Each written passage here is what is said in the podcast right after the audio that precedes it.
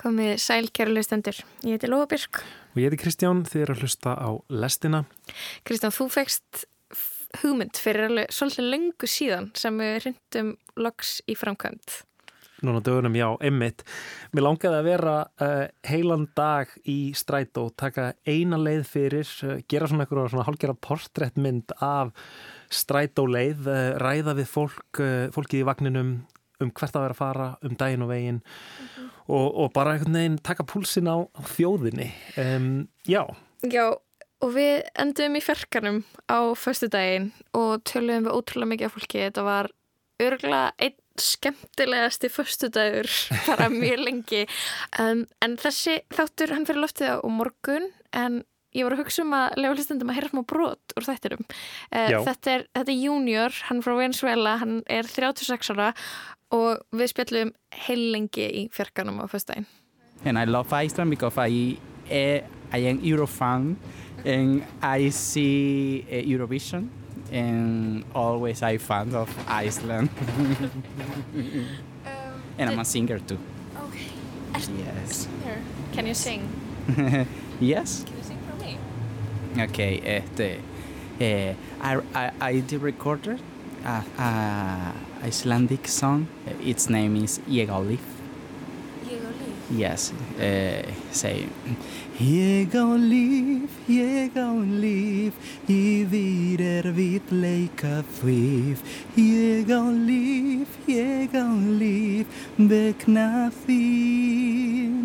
Þegar móti mér blæs, yfir fjökling há ég glýf. Ég á líf, ég á líf, ég á líf. Þetta var Junior Við heyrum meira af honum á morgun í lestinni og fleiri strætósögur. Ótrúlega margir sem við rættum við og margar uh, skemmtilegar uppákomur sem, sem áttist að við heyrum þetta morgun en í dag ætlum við að flytja þátt frá því í mars á þessu ári þegar við eh, einbeitum okkur að vídjólegum, öðrum menningarstofnunum í íslensku samfélagi. Já, aðalvídjólegan var að loka síðasta vídjólegan á höfuborgarsvæðinu og þátturum að gerður í tilefna því.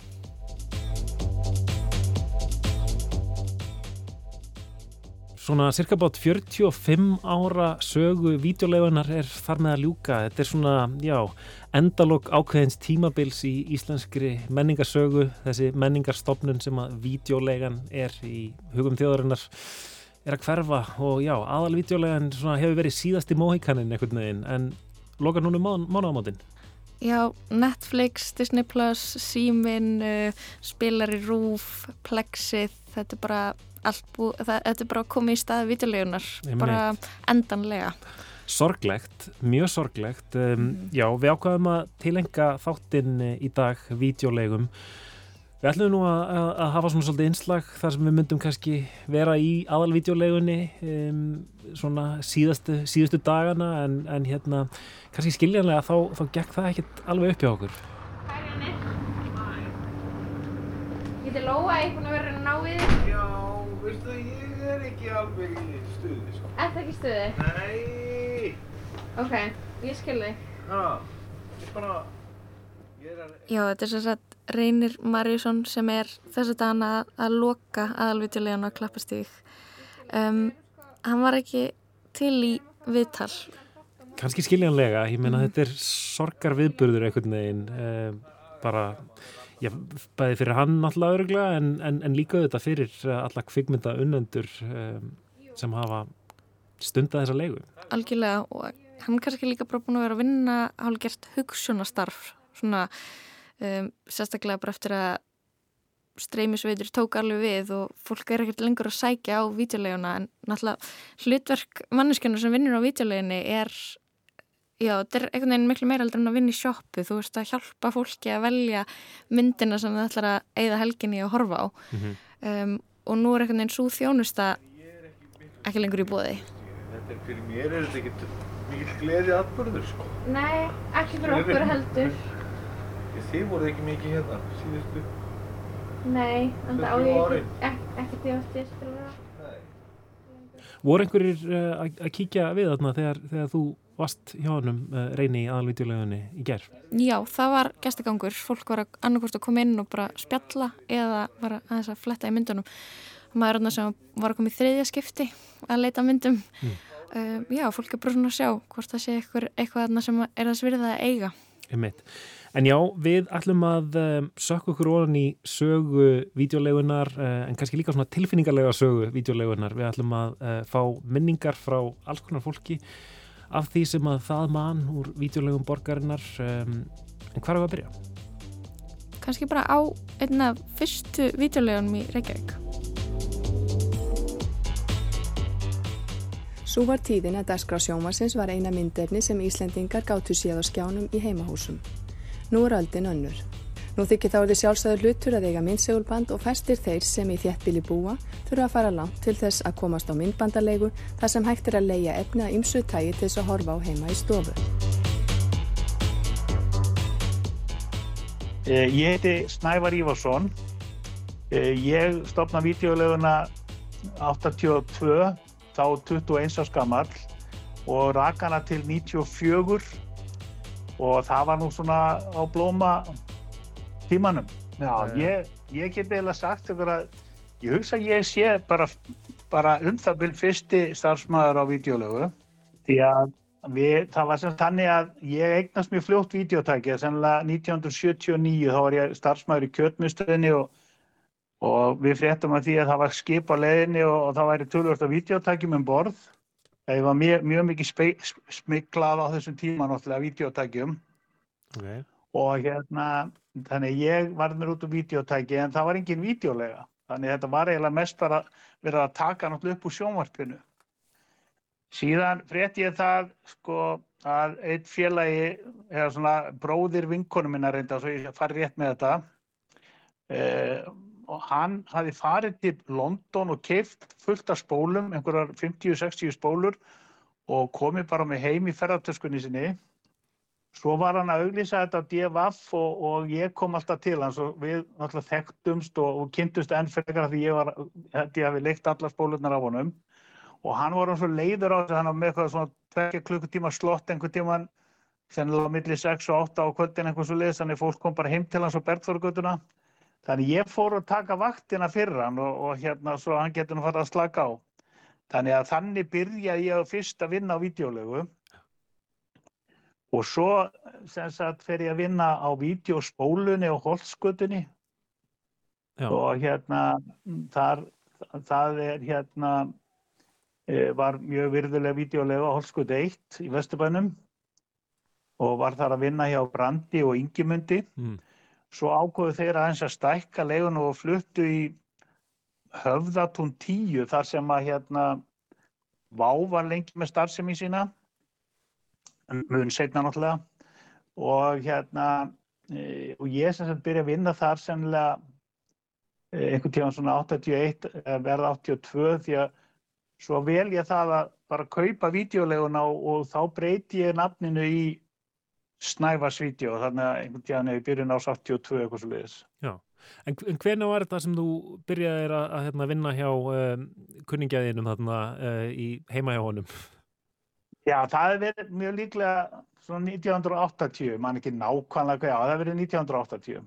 Einhvern tíman síða, síðlárs sjálfsagt um hausti 1980 eitthvað svo leiðis sem, sem að ég hérna tek að mér og skipti voru bara þau að ég mátti þeirra sko, fólki var farið og þá, þá mátti ég velja mér einhverja spólu til að taka með mér heim og mér fannst þetta rosa fín bíti sko. Mm. Já, þetta var náttúrulega mjög, nutum mikillar virðingar, þetta, sko, ég er náttúrulega þegar ég breyti leigunni videospólunni í Snæfarsvídeó að þá var ég náttúrulega með rítskoðun í gangi, ég til dæmis sko, þá var oft verið að spurja mig um einhverjar að mínu mati ömulegar hrollvíkjur eitthvað sem ég kifti bara ekkert inn á videolegana hjá mér sko.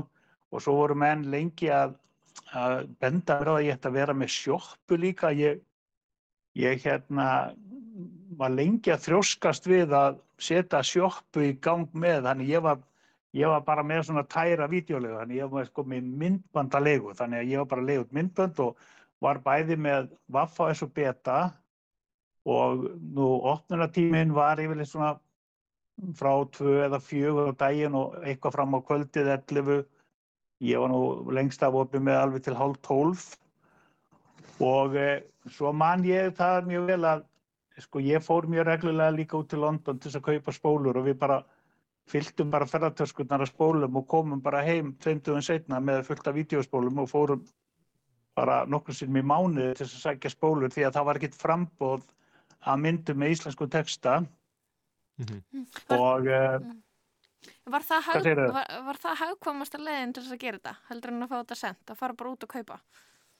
Já, það sko það, þú, mað, ég í mínu til, ég vildi náttúrulega velja efnið sko.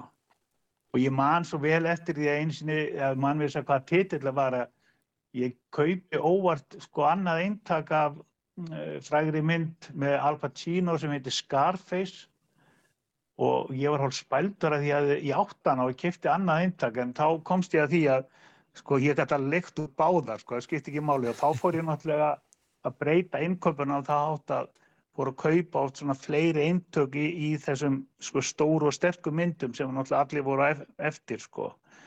Og þetta var, þetta var þannig að sko fólk var með, það var langir bygglistar á vissum titlum sko.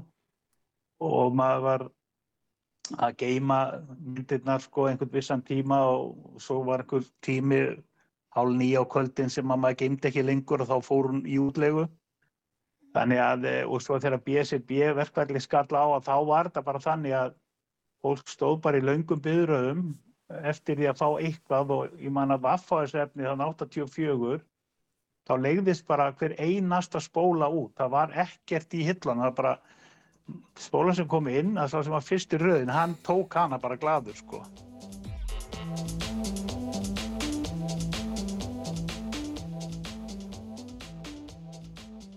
Og myndirnar kom ekki heim til Íslands fyrir tveimur árið setna og svo lærði ég það sko að bíóhúsin voru með eitthvað samkomla sín á milli að kaupa bara ekkert myndirna fyrir að það voru alltaf gamlar. Þannig að skittel voru á vídeolegunum með miklu nýri myndir heldur en voru komnir í bíó. Hmm. Og, og þá náttúrulega voru einhverju sem lögðu það að þetta væri eitthvað, eitthvað ólöglegt af því að það var ekki búið að texta þessar myndir og þær voru ekki konar í bíó.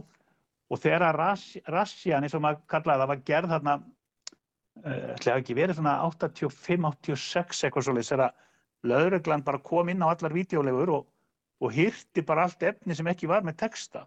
Og það, það var náttúrulega, veist, þeir tóku bara hjá mér sko meir en helmingin held ég af spólunum, það bara lega hann nánast tóm, þannig að það var rosalegu skellur og, og síðan kom nú í ljósa hérna einhverjum já, 14 mánuðin setna þá, þá var þessu öllu skila því að þá var náttúrulega aðgerinn var algjörlega ólögleg og þá hefðu sko einhverjir eigendur og rekstaræðilega einhverja bíóhúsa bara einhvern veginn haft þau áhrif á bara lögurgliföld að, að, að, að hérna fá þá til þess að fara inn á leigurnar og sækja allar þessar spólur sem að var algjörlega ólöglegt. Þannig að þetta litaði náttúrulega starfsemi í videolegana töluvert þegar þessi rassja gekk yfir og svo hafði náttúrulega videolegan alltaf einhverja svona, einhver svona stimpil á sér að vera með bláuspólurnar sem voru þá e, e, e, eitthvað svona já, klámfengið efni sem var yfirleitt svona einhver starf á bakvið eða í einhverjum möppum og eitthvað.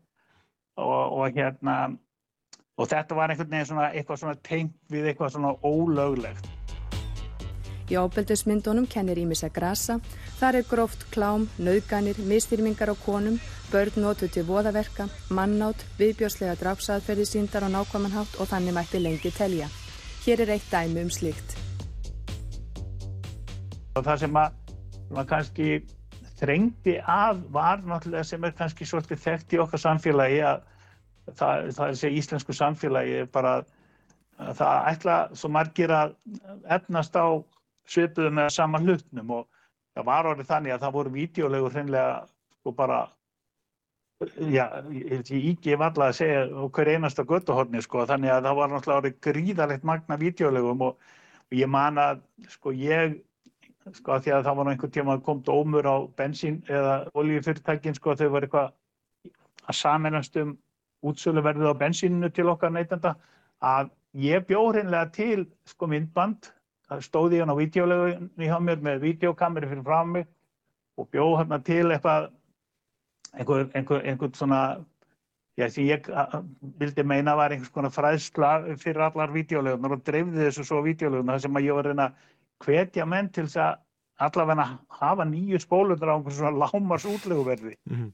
sem var náttúrulega, þegar maður skoðar tilbaka þá, þá hérna því að sko, þetta var náttúrulega þannig að það var náttúrulega verðstríð að því að og, og þetta var að við kallum það, sko, þú máttir ekki fara mikið niður fyrir eða upp fyrir réttar sagt kannski átján útlegu til þess að vera break even. Og, og það var gott ef maður gæti verið á 11 útlegum þá þurftur það semst 11 útlegu til þess að fá fyrir spólunni. Og, og þegar við fórum að, að hérna kaupa textaefnið þá voru réttafarnir oft með verði mjög hátt þannig að, að þá voru við komin í átján útlegur áður en að við sko gátum farið að fá álagningu og svo var náttúrulega töluverð sko tölvöld um það að spólurna kom ekki inn og sko nýja stefni var náttúrulega vinsalast þannig að það hafði mest áhætt á að enda einhver staðar sko ja, upp á fatahengi eða, eða, eða undir sjómarskeintnum og tínast þar og, og þetta var náttúrulega oft flókið að ná í fólk og maður var ringjandi öll kvöldar en að fá spólurnar inn aftur þannig að, að það var náttúrulega sko mikill barningur í þessum rekstri líka þannig að ég held að það var náttúrulega aldrei neitt sem að varða eitthvað alveg ríkur á myndbandalegu sko. Þurft, þurftur eitthvað tíma að fara í innheimtu aðgerðir? Já, já, já, já, ég meira ótal, ótal aðgerðir þannig þú veist og ég þurfti að fara inn á heimili og, og hérna og sækja við fórum náttúrulega mjög fljóðlega að leiða út líka videotæki og ég mani til því að það, ég leta einn mann komast upp með það að, að vera með tæki og spólar hansi lengi og, og, og svo endaði með ég þurfti að fara bara heim til hans og sækja þetta og, og, hérna tapaði bara töluverða á því sko. Þannig að hérna og það eru mörg svona dæmi að sko fer út einhver spóla og bara hún er splunkun í og, svo klárast hún kannski á mánuði. Þar að segja að titlinn er ekki jafn vinsall eftir 30 daga og Og, og, og maður náði ekkert spólun inn og, og maður var að sko, reyna að fá fólk til að skilja það að það ætti að borga aukadaga og, og hérna já þannig að það voru nú sko svo ég nefnir nú engin nöfna að þá voru nú sumir bæði vel metnir og frægir einstaklingar sem að helduðu kemist upp með það að þau eru ekki að borga aukadaga og ég man ég saði veit mann eh, mjög frægan Íslanding sem ég ætla ekki að fara að nefna hér. Ég sagði bara ég væri rosalega fegin ef þú myndir vilja snúa viðskiptum þínum eitthvað annað. Því að það var svo erfitt að fá hann til þess að hann tók oft mjög mikið af spólum og hérna og svo bara kom þetta inn eftir dúk og disk sko mann var upp með sér að því að hann væri að vesla um hann til að byrja með en svo tapaði maður bara því lítið á viðskiptum við þennan einstakling sko. Einn besta mynd ársins er komin út með Bruce Willis og Samuel L. Jackson í aðalutverkum. Unbreakable. 100% öryggi. Ef Unbreakable er ekki inni, þá færð hana frítt næst þegar þú kemur. Bónusvídeó. Vídeóhöllin. Toppmyndir.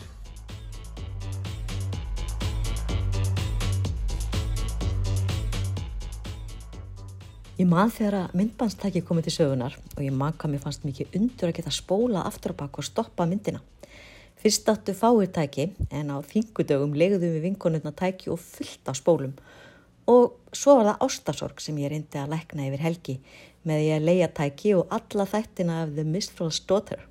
Svo hágrét ég yfir söguhetjunni sem var jafn mikil kjáni og ég og let hrókafullan og sjálfselskan elsku að spila með sig.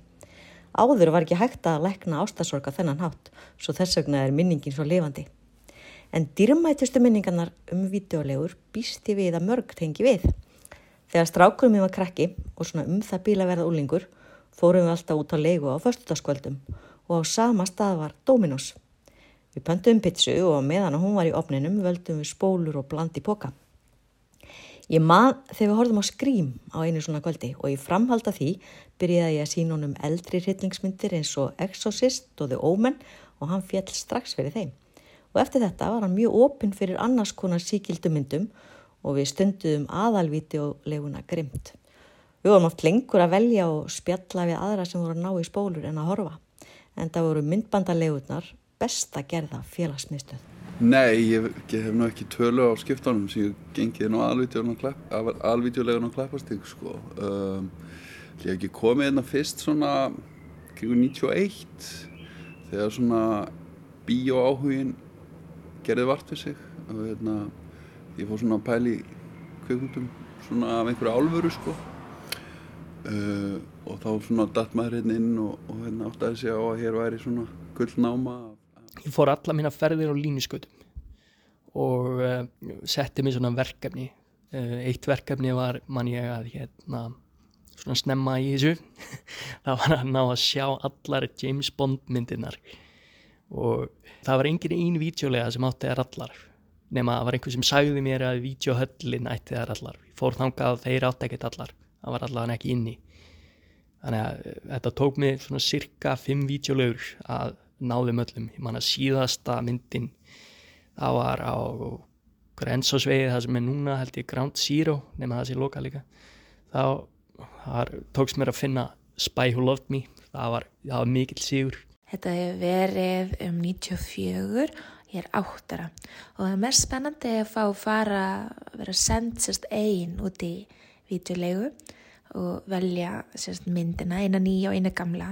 Þess að nýja var þetta búið að velja fyrir mig en ég mátti velja gamlu sjálf sem var ég vilt eitthvað barna mynd og en ég uppaldi á mér var uh, að fá að poppa hjá vítulegunni þá svona annarkur kom ég með minn einn örbylgjupopsboka eða þau gáttu selt mér hann í stikkjatali sem er eiginlega betra. Og hérna því að örbylgjupnum voru ákveði fágæti á þessum tíma.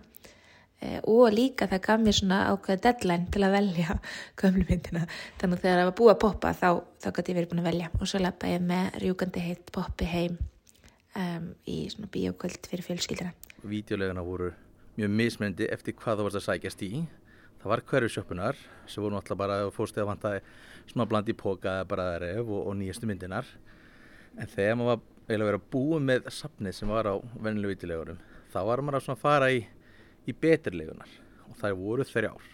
Það var vídeolegan eða vídeohöllin í Lámúla lögursvídeó, lögurás og svo aðalvídeolegan að klappastík og hver hafið sinn svona sérstakann eiginlega þegar mann vantaði einhverjar svona Óskarsvönlega myndi mann ég. Þá fór ég alltaf í vídeohöllina það þegar mér sérstaklega rekka mert Óskarsvölinu og svo leiðis og þarna voru miklu svona bersli úrval af eldri bandarískum myndum og breskum. Svo vildi fara út fyrir bandaríkin það var aðalvídeolegan og hún var miklu meira á svona öfröskum myndunum og, og svona indie myndum af fleiri svona kveikundháttísmyndum og svo loksins fyrir svona sjónastætti og svo leiðis það var laugurásvídeó ómisandi og þeir með sér tókusundu við pöntunum þannig að við félagin vorum að horfa á Star Trek og Babylon 5 sem var ekkert að koma til landsins. Og þá pantaði hann bara spólunar. Og við byðum bara eins og veist, viku eftir viku eftir að fá spólu með kannski þrjum þáttum Babylon 5 og svo leið mánur, þá kom nýspóla og þannig að eins og við erum að gera í dag að fylgjast með sjónastáttum að gera Netflix. Þá nota maður lögursvídeó til þess að vera sinn streymist þjónasta því þeir bara sóttu nýja serjur fyrir mann. Spólu fyrir spólu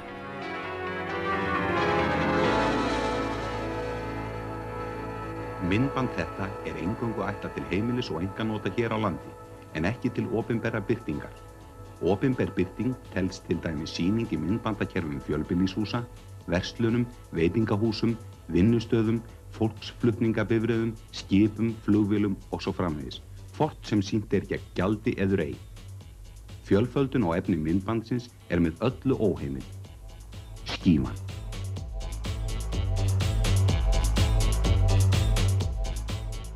Og sá sem var fyrstur til að tengja saman einbílishús í videokerfi hér á landi, Axel Björnsson í Stikkisólmi, hann segir um lagalegu hliðina. Að mínu möti þá er ekkert komið á hreint með, með, í þeim málum. Það er, þetta virðist viðgangast, hvort sem er í Reykjavík eða annar staðar. Lítum aðeins nánar á það sem er að gerast. Á Reykjavíkusvæðinu er ljóst að meiri hluti fjölbílishúsa hefur video eða mun fá þá á næstunni. Í fjölbýlishúsunum er fyrirtæki Videozone næstum einrátt, það bæði setur upp kerfin og dreifir efninu. Úr helgarpostinum 1981 Þessi nýji háttur á sjómarpsrekstri er þó síður en svo nokkurt launungamál. Yfirvöld hafa haft pata af honum í meiran ár eða síðan svo nefnt krummahólamál kom upp. Þá krafðist ríkisúttarpið laurugluransóknar sem fór fram Síðan hefur málið flægst fram og tilbaka í kerfinu og ýmsir aðilar hafa haft það til umsagnar en ekkert hefur gerst. Ég heiti Karl Pétur Jónsson og er upplýsingaföldrúi FSRE. Eh, ég bjó í blokk í Krummahólum frá því ég var 8 ára og þannig að ég flutta heimann. Krummahólanir eru 5 blokkir, svona cirka 40 íbúður, 40-50 íbúður í, í hverju blokk. Þetta eru blokkir sem eru byggðar svona á miðjum 8. áratugnum. Og mikið af fólki sem hefði flutt af landsbyðinni e, til borgarinnar og sem bjóða þarna. Þannig að þetta var svona eins og lítið þorp út á landi. Margt sem að svona e, þetta samfélag hafði svona mörg enginni lítils byggðalas út á landi. Einhvern tíman snemma á nýjunda áratugnum þá voru vídeolegurnar komnar til skjálana þá fekk maður sem að heitir Ari Þór Jóhannesson og var mikill tæknimaður vann hjá símanum hann fekk þá hugmynd að það væri hægt að tengja saman kóakskerfin sjónvarskaplana í öllum þessum blokkum og búa til svo kallað kapalkerfi þá var það þannig að hver og einn í sinni íbúð gæti tengt sjónvarpsitt við innstungu á vegnum og fengið aðgang að þessu kapalkerfi.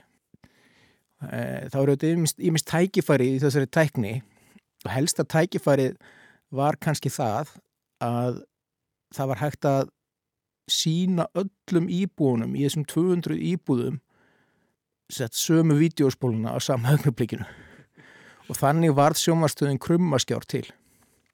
Sjómarstöðin krummaskjár hún samastóða tveimur uh, videotækjum og einni Sinclair Spectrum 12 uh, Sinclair Spectrum 12 hún uh, hérna það var búið að forrita á henni viðmóta þannig að þar var hægt að setja inn dagskrá.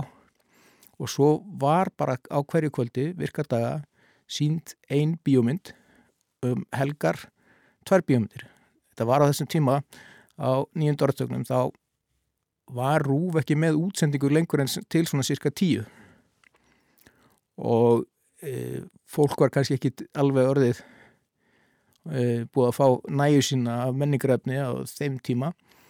Þannig að það skapaðist þetta markaði fyrir það að fólk gætt sest niður og horta á eina, eina mynd.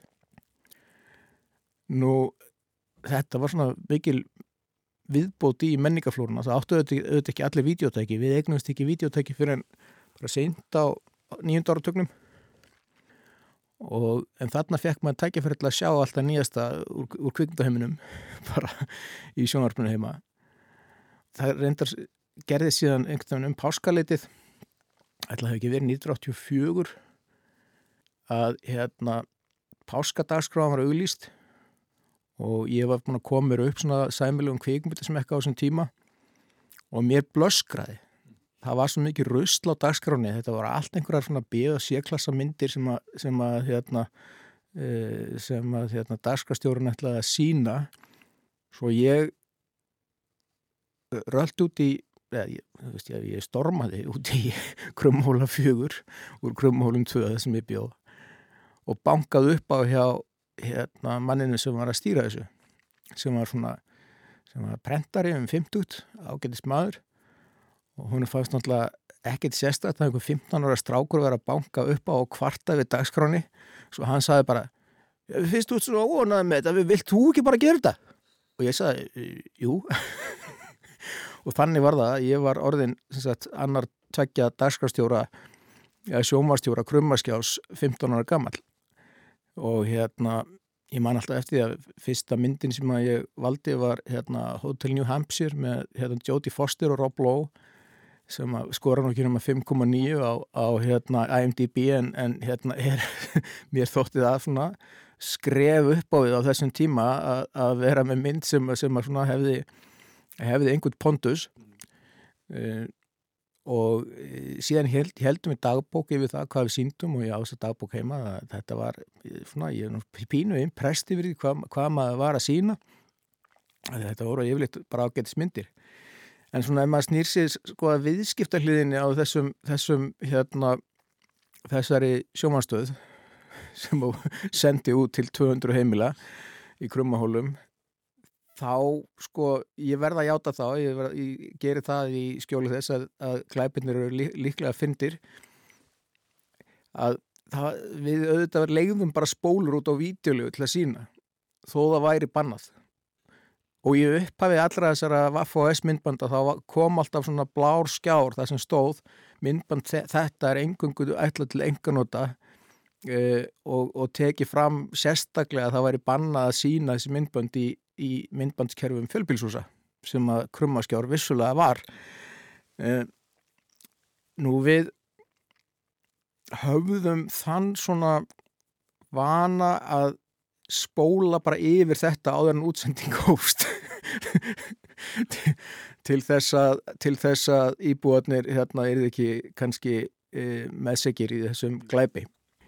Og hérna e, þannig að þannig að hérna en, en já, þetta ég hef gerst segur um, um alvarleg e, brot, brot á höfundarétti fjöldalistamanna um allan heim Já, við, þetta voru bara svona heimilisvídeotæki sem voru með, þannig að það var ekki það var engin, engin tæknu bak við það. það þetta var bara svona í kjallarherbergi í Krumahólum fjögur eða svona stórum sal sem að gamanli hjólagemslu sem að hérna tækin voru og synglega spektrumtölvan en ég stilti það sko svona setna þegar ég var orðin aðeins eldri, ég var í svona okkur ár uh, þá reyði reynda mömmu heitna sem undirvertaka og hún fór stundum út og ítt að play fyrir mig þegar ég var kannski yngstar uh, út að runda með vinnu mínum. Mm -hmm. það var nú aldrei meira mál en það við vorum hérna litnir hotnuga kannski út á videolegu af og til sko. En þú veist við vorum líka tröst í kúna sko. Við vorum að leia þarna þú veist einhverjar einhverjar nýju spólur á viku sko. Og hérna Nei, það var aldrei gert neitt málur en hins vegar voru auðvitað, auðvitað samtök höfumdarættar eigand á Íslandi voru augljóslega ekki hrifun af svo reynda að stoppa þetta. En svo var líka starra kerfi í bregðoltinu sem hétt Videosón það, sagt, það var meiri svona business.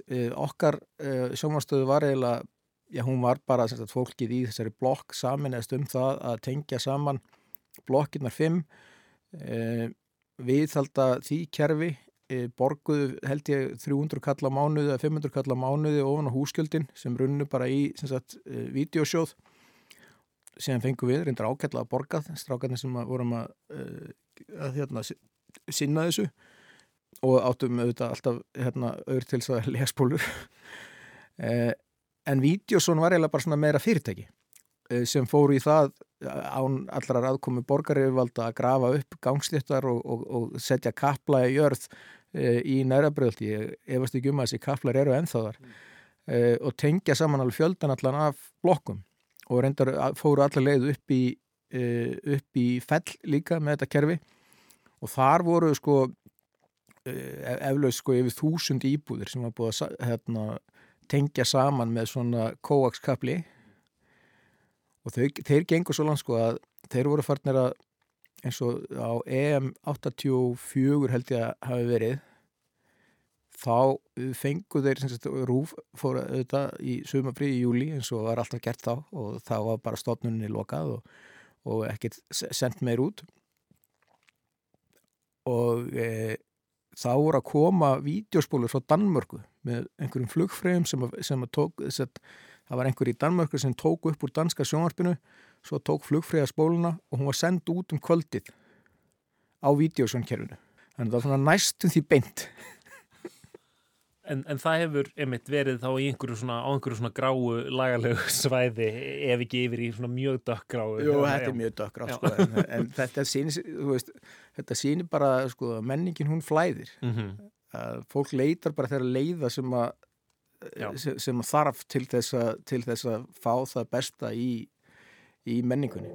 Að horfa myndband er góð skemmtur.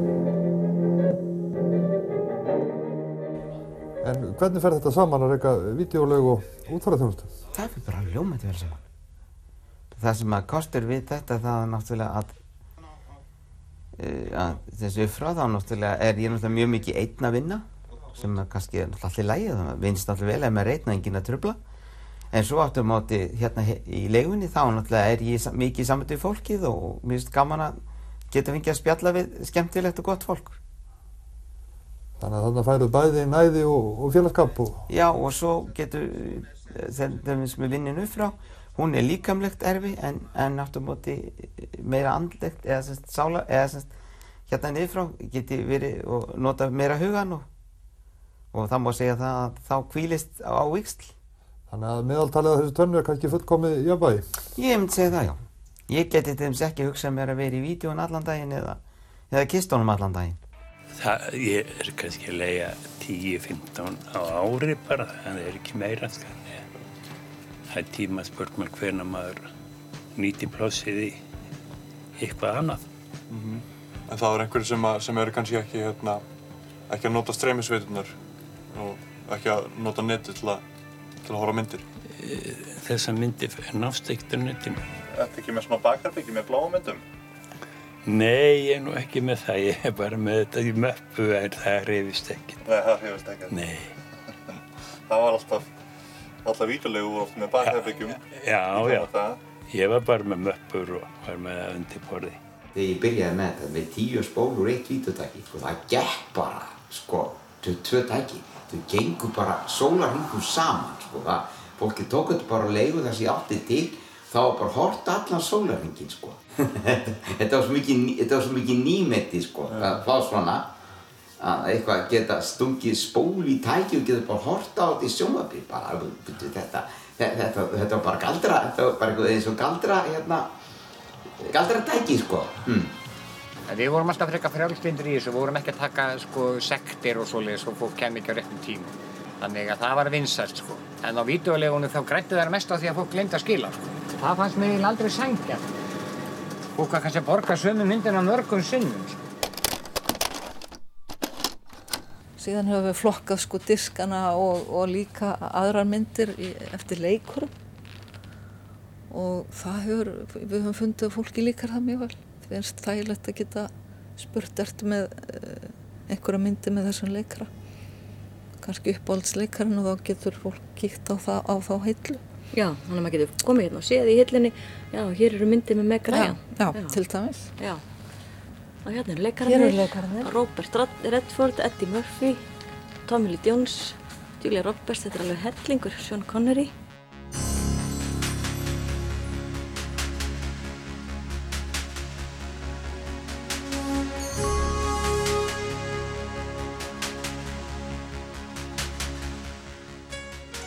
Ég vann á vídeoheimum í Faxafinni, setna Fákafinni, cirka 2007-2008 langar mig að segja, ekki alveg í ferskuminni.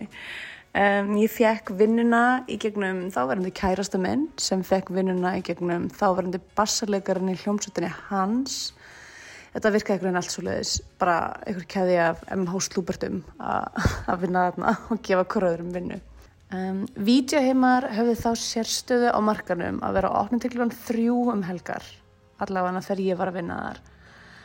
Fyrst þegar ég byrjaði leist eigandanum ekkert á að hafa einhverja átjónara stelpu eina á næturvöktum. Um, en ég náði einhvern veginn að sannfarna og, og eftir ég náði að sannfarna þá síndin mér hún hafnaboltakilfina sem var falin undir afgjörsluborðinu. En ég þurftu sem betur fyrir aldrei nota hana. Næturvaktirnar voru bestar. Eftir miðinætti þá gæti maður hort á bíómyndir og maulanammi nokkur neginn óarættur. Um, kannski á cirka hálf tíma fresti kom kannski einn helgapappi og greið beina teiknumynd, vindlinga og eina bláa ár bakharbygginu. Um, annars gæti maður bara hángið. Um, eitt minnistætt frá þessum tíma er bókalskerfið sem var nota á leigunni, fjölnir. Það var svona svart og neonleita dóskerfi. Um, allir sem hefur leikt spólu voru með sitt eigið spjald í kerfinu og það var þetta að setja inn aðtúasemdir á spjaldið. Yfirleitt voru aðtúasemdirnar bara eitthvað svona um skuldir eða að viðkomandi væri að svörtum lista. En stundum raks maður á komment frá fyrri starfsmönnum leigunar, uh, kannski starfsmönnum sem voru ekki einn svona vinnaða lengur. Og, og stundum var það eitthvað personlegt eða slúður. Um, eitt sem ég mann í fljótu bræði er að einn gæi í kerfinu var með aðtöðasemdina þessi frendi buppa. Uh, ön, önn manneskja var sem hétt eitthvað svona, hún hélt hún á þetta Hildur Hillers og kommentið á hérna, spjaldununnar var Hillers, hvers konar nafn er Hillers? Allavega um, svo sáum við líka alla leigusöguna hjá fólki og það var ákveðið sport að rýna í það uh, svona smá people watching. Stundum kom fólk á leiguna og hjekk bara tímunum saman að skoða. Vídeoheimar voru með frekar gott úrval um, Óskarsmyndahillu til dæmis og sérhillu fyrir svona evróskar listamyndir. Um, Eitt gæi kom svo ofta að hanga þegar ég var að vinna uh, á vöktum. Hann var svona bara farin að horfa eiginlega á myndirnar sem að ég var að horfa á, á skjánum sem hjekk fyrir ofan afgjörsluborðið og svona að spjalla við mig um myndirnar og á einhverjum tímapunkti sagði bara hæ, hérna vilti ekki bara setjast niður og hanga með mér? Um, og stundum hjekkan með mér bara eiginlega heilu vaktinnar og við erum ennþá vinir í dag. Þannig að þetta var einhvern veginn í minni minningu mjög töfrandi tími og mögulega best að vinna sem ég hef nokkuð tíman verið með. Eh, það myndi segja það er eitthvað svona fullnaða sigur launamannsins að að geta bara hort á bíómyndir og borða nammi á launum.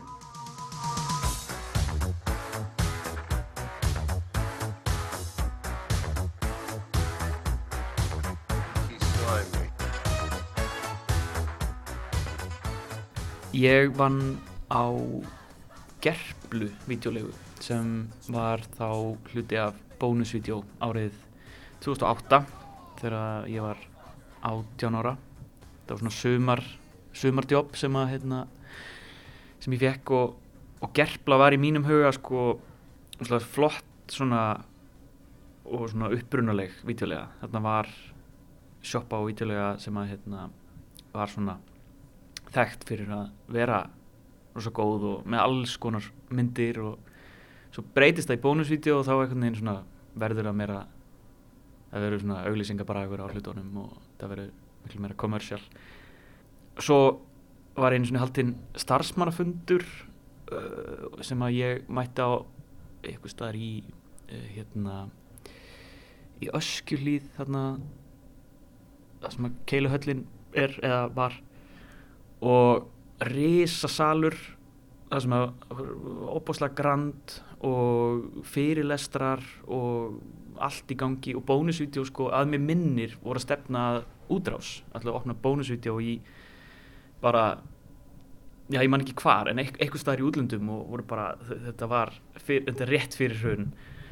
Og þetta er ótrúlega skrítið andrumsloft, þetta var svona smá köld svona sértrúar svapnur einhvern veginn. Já, allir klættir í svona gullt og blátt. Náttúrulega fyrirmyndin augljóslega blockbuster bandaríska keðjan. Og bónusvídeó var náttúrulega út um allt á Íslandi. En hérna þetta var rosalega skrítin fyrir hruns, hruns stemming.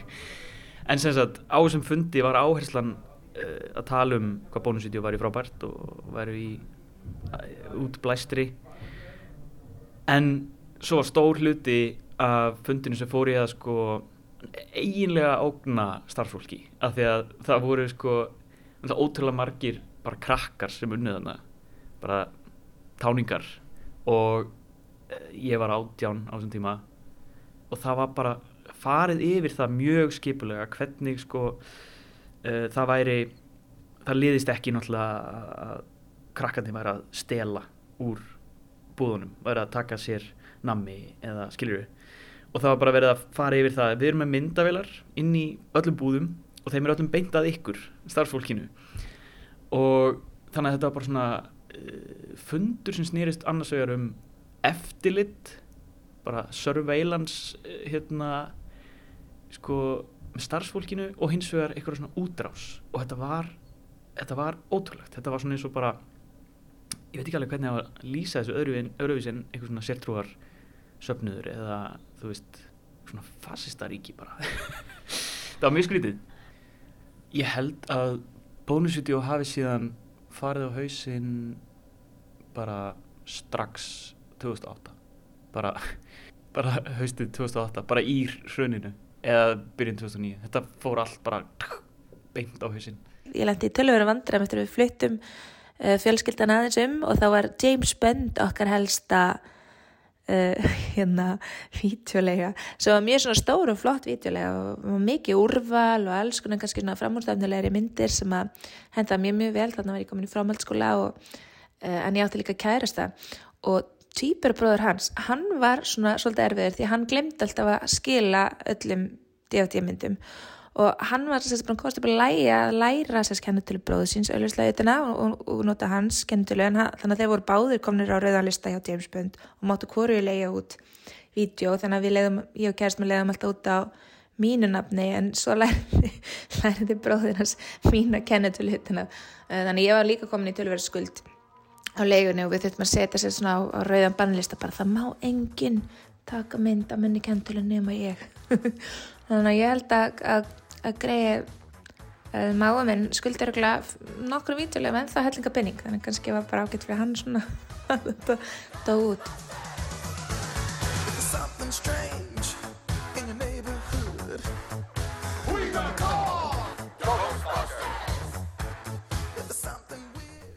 Þannig að þegar maður fór til Reykjavíkur og þá gisti ég náttúrulega hjá ömmu minn heitinni þá voru eiginlega tvö mission annars vegar að fara í bíó uh, og það var kannski alveg því að í þátt að var voru nýju Hollywoodmyndinar að koma miklu setna til akkurar uh, núna, núti dags komaður meira menn á sama tíma en þarna liði ykkur í mánuður og maður fór með jæfnvel ansbókasafni til þess að lesa sko hérna bóka aðlugunina að hérna bíómyndinni, reynlega út um að nætti ekki að bíða. En já, þegar maður fór sögur þá fór maður bíó.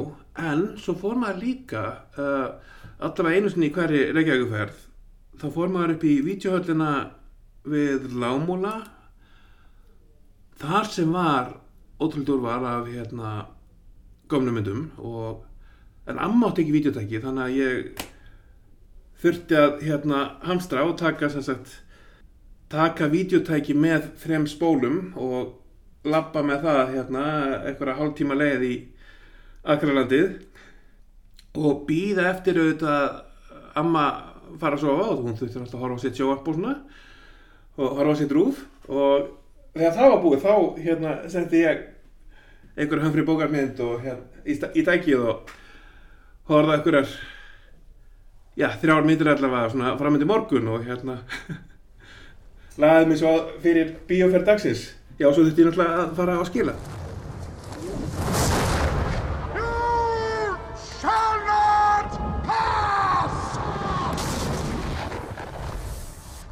Já, ég myndi segja að æfi mín væri samtvinnuð vítjulegum, alveg svona, já, væntalega frá því ég er örgulega svona bara sex ára eða eitthvað, hanga til bara ég þrítug. Ég man eftir ég hafa farið hverja helgi og vetuna því að það var til síðs að vera ekki að horfa á vídeo á sumrin. Það var svona vetrasport og þá fórum við myndbandalægið. Það var í, í, í gamla kaufélagshúsinu heima í Moselsbæ. Póri Lagsnes í rak þessa videolegu. Helgarós Hannam, hún var afgriðslu stúlka í videolegunni og við leiðum strumpana, alltaf strumpana. Það voru heldur með minna að verið þrýr þættir af hverju spólu og maður fekk að hafa þetta í sólarhing. Oft leiðum við líka videotæki áður en að okkur eh, áskotnaðist hérna, slík græja og þetta, voru, þetta var hápunktur helgarinnar, það var að fara að, ná í vídeospóluna uh, setna þá lagði þessi vídeolega væntanlega eitthvað upp laupana, ég man ekki eftir henni en ég man eftir því að hafa farið með mömmu. Þá var eitthvað vídeolega komin í eitthvað bilskur, sko örglaði eitthvað staðar kannski í holtakverfinu eða eitthvað staðar í Mósisbæða töngunum. Ég man að mamma, hún fór sko, hún gætt tekið þrennu þarna, hún gætt farið í strípur þarna á einhverju, einhverjum kjallara og ljós á sama stað komið svo við í bílskurnum hjá einhverjum manni sem leiti út eins og Rod Stewart og gripi spólu og farið með heim. Svo þurftum maður alltaf að passa spólu tilbaka því að annars þurftum maður að borga segt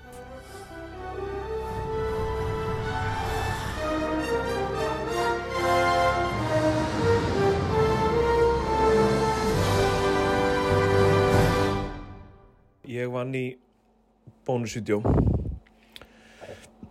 sumarið um, sumarið 2000 þá sumarið áður en ég fór í mentaskóla og ég vann í úlingavinnu á daginn svo fekk ég tekjað klukkutíma pásu og svo fór ég að vinna í bónusvídeó. Sko, vídeolegur dóu eiginlega ekki bara út af miðlunum, heldur líka út af samfélagsbreytingunni. Þú veist, það var ákveðið tröst og sem vídeolegur voru kerðar á.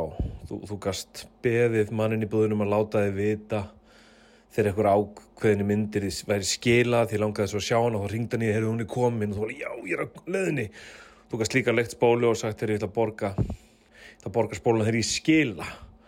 Og þér var bara treyst, ekkert mála það bara mertin í svona lítið MS DOS kerfi, bara borga þegar hann skilar. Þessi skulda fyrir þrjármyndir eitthvað svona, þetta var rasvasa bókald og, og, og þetta var hitt besta mál.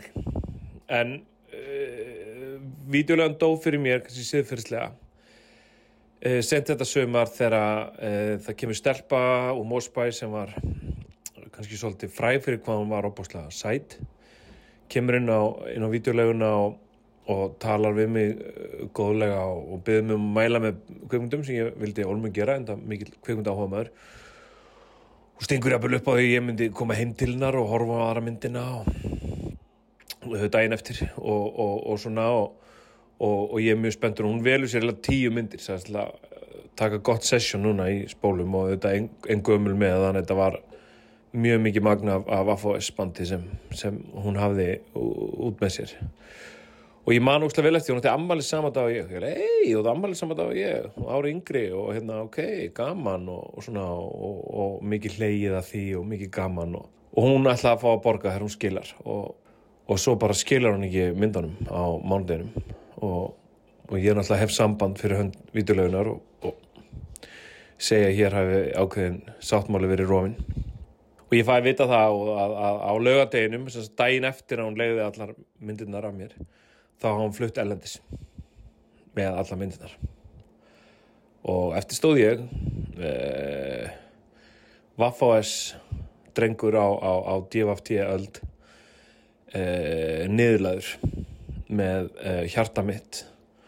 Og þetta Joe Grimson nú er svindlið hafið svindl eh, í lúkon Ég held að videolóðin sé ekkit endilega steindauður ég held að sé alveg möguleik að endurvekja videolóðina uh, ég veit ekki alveg hvernig en ég held að það sé alveg sko þorstiðana úti eftir að hérna, eftir þessu félagslega eftir þessu áþreifanlega eftir því að hérna gramsa eftir myndum. Það er einhvern veginn öðruvísi heldur en að horfa á skjána Netflix. Ásker Ingolson er bjart sín að já, vítjulegan sé kannski ekki alveg döið, hún munir snúa eftir í einhverju mynd, við þurfum þetta mannlega. Nákvæmlega, en já, aðalvítjulegan uh, lokar uh, núna í mánuðinum og þar með líkur eiginlega 45 ára sögu vítjulegunar á Íslandi. Vítjulega Anna almennt. Við erum búin að vera flakka um þessa sögu fram og tilbaka með mörgum góðum gestum. Já, við ætlum að reyna að tellja það alla upp. Þetta var Ásker Ingolson, Rakel Adolfsdóttir, Sirið Pétursdóttir, Ari Brynjólfsson, Gagga Jónsdóttir, Haldur Lagsnes Haldursson. Svo það Ragnar Eithórsson, Jóhannes Ólafsson og Andrea Björk Andrisdóttir. Svo notuðum við alls konar efni hérna úr kistin og rúf. Mjög mikið, ég, veit, ég held að sé bara oflant mál að fara að tellja upp allar þær rattir sem heyrðust þar, um, er það ekki? Jú, ég held að. Við, ekki gott útvarp. En við Kristján og Lóa þökkum samfélgin í dag. Tæknumöður var Kormákur Marðarsson. Verðið sæl.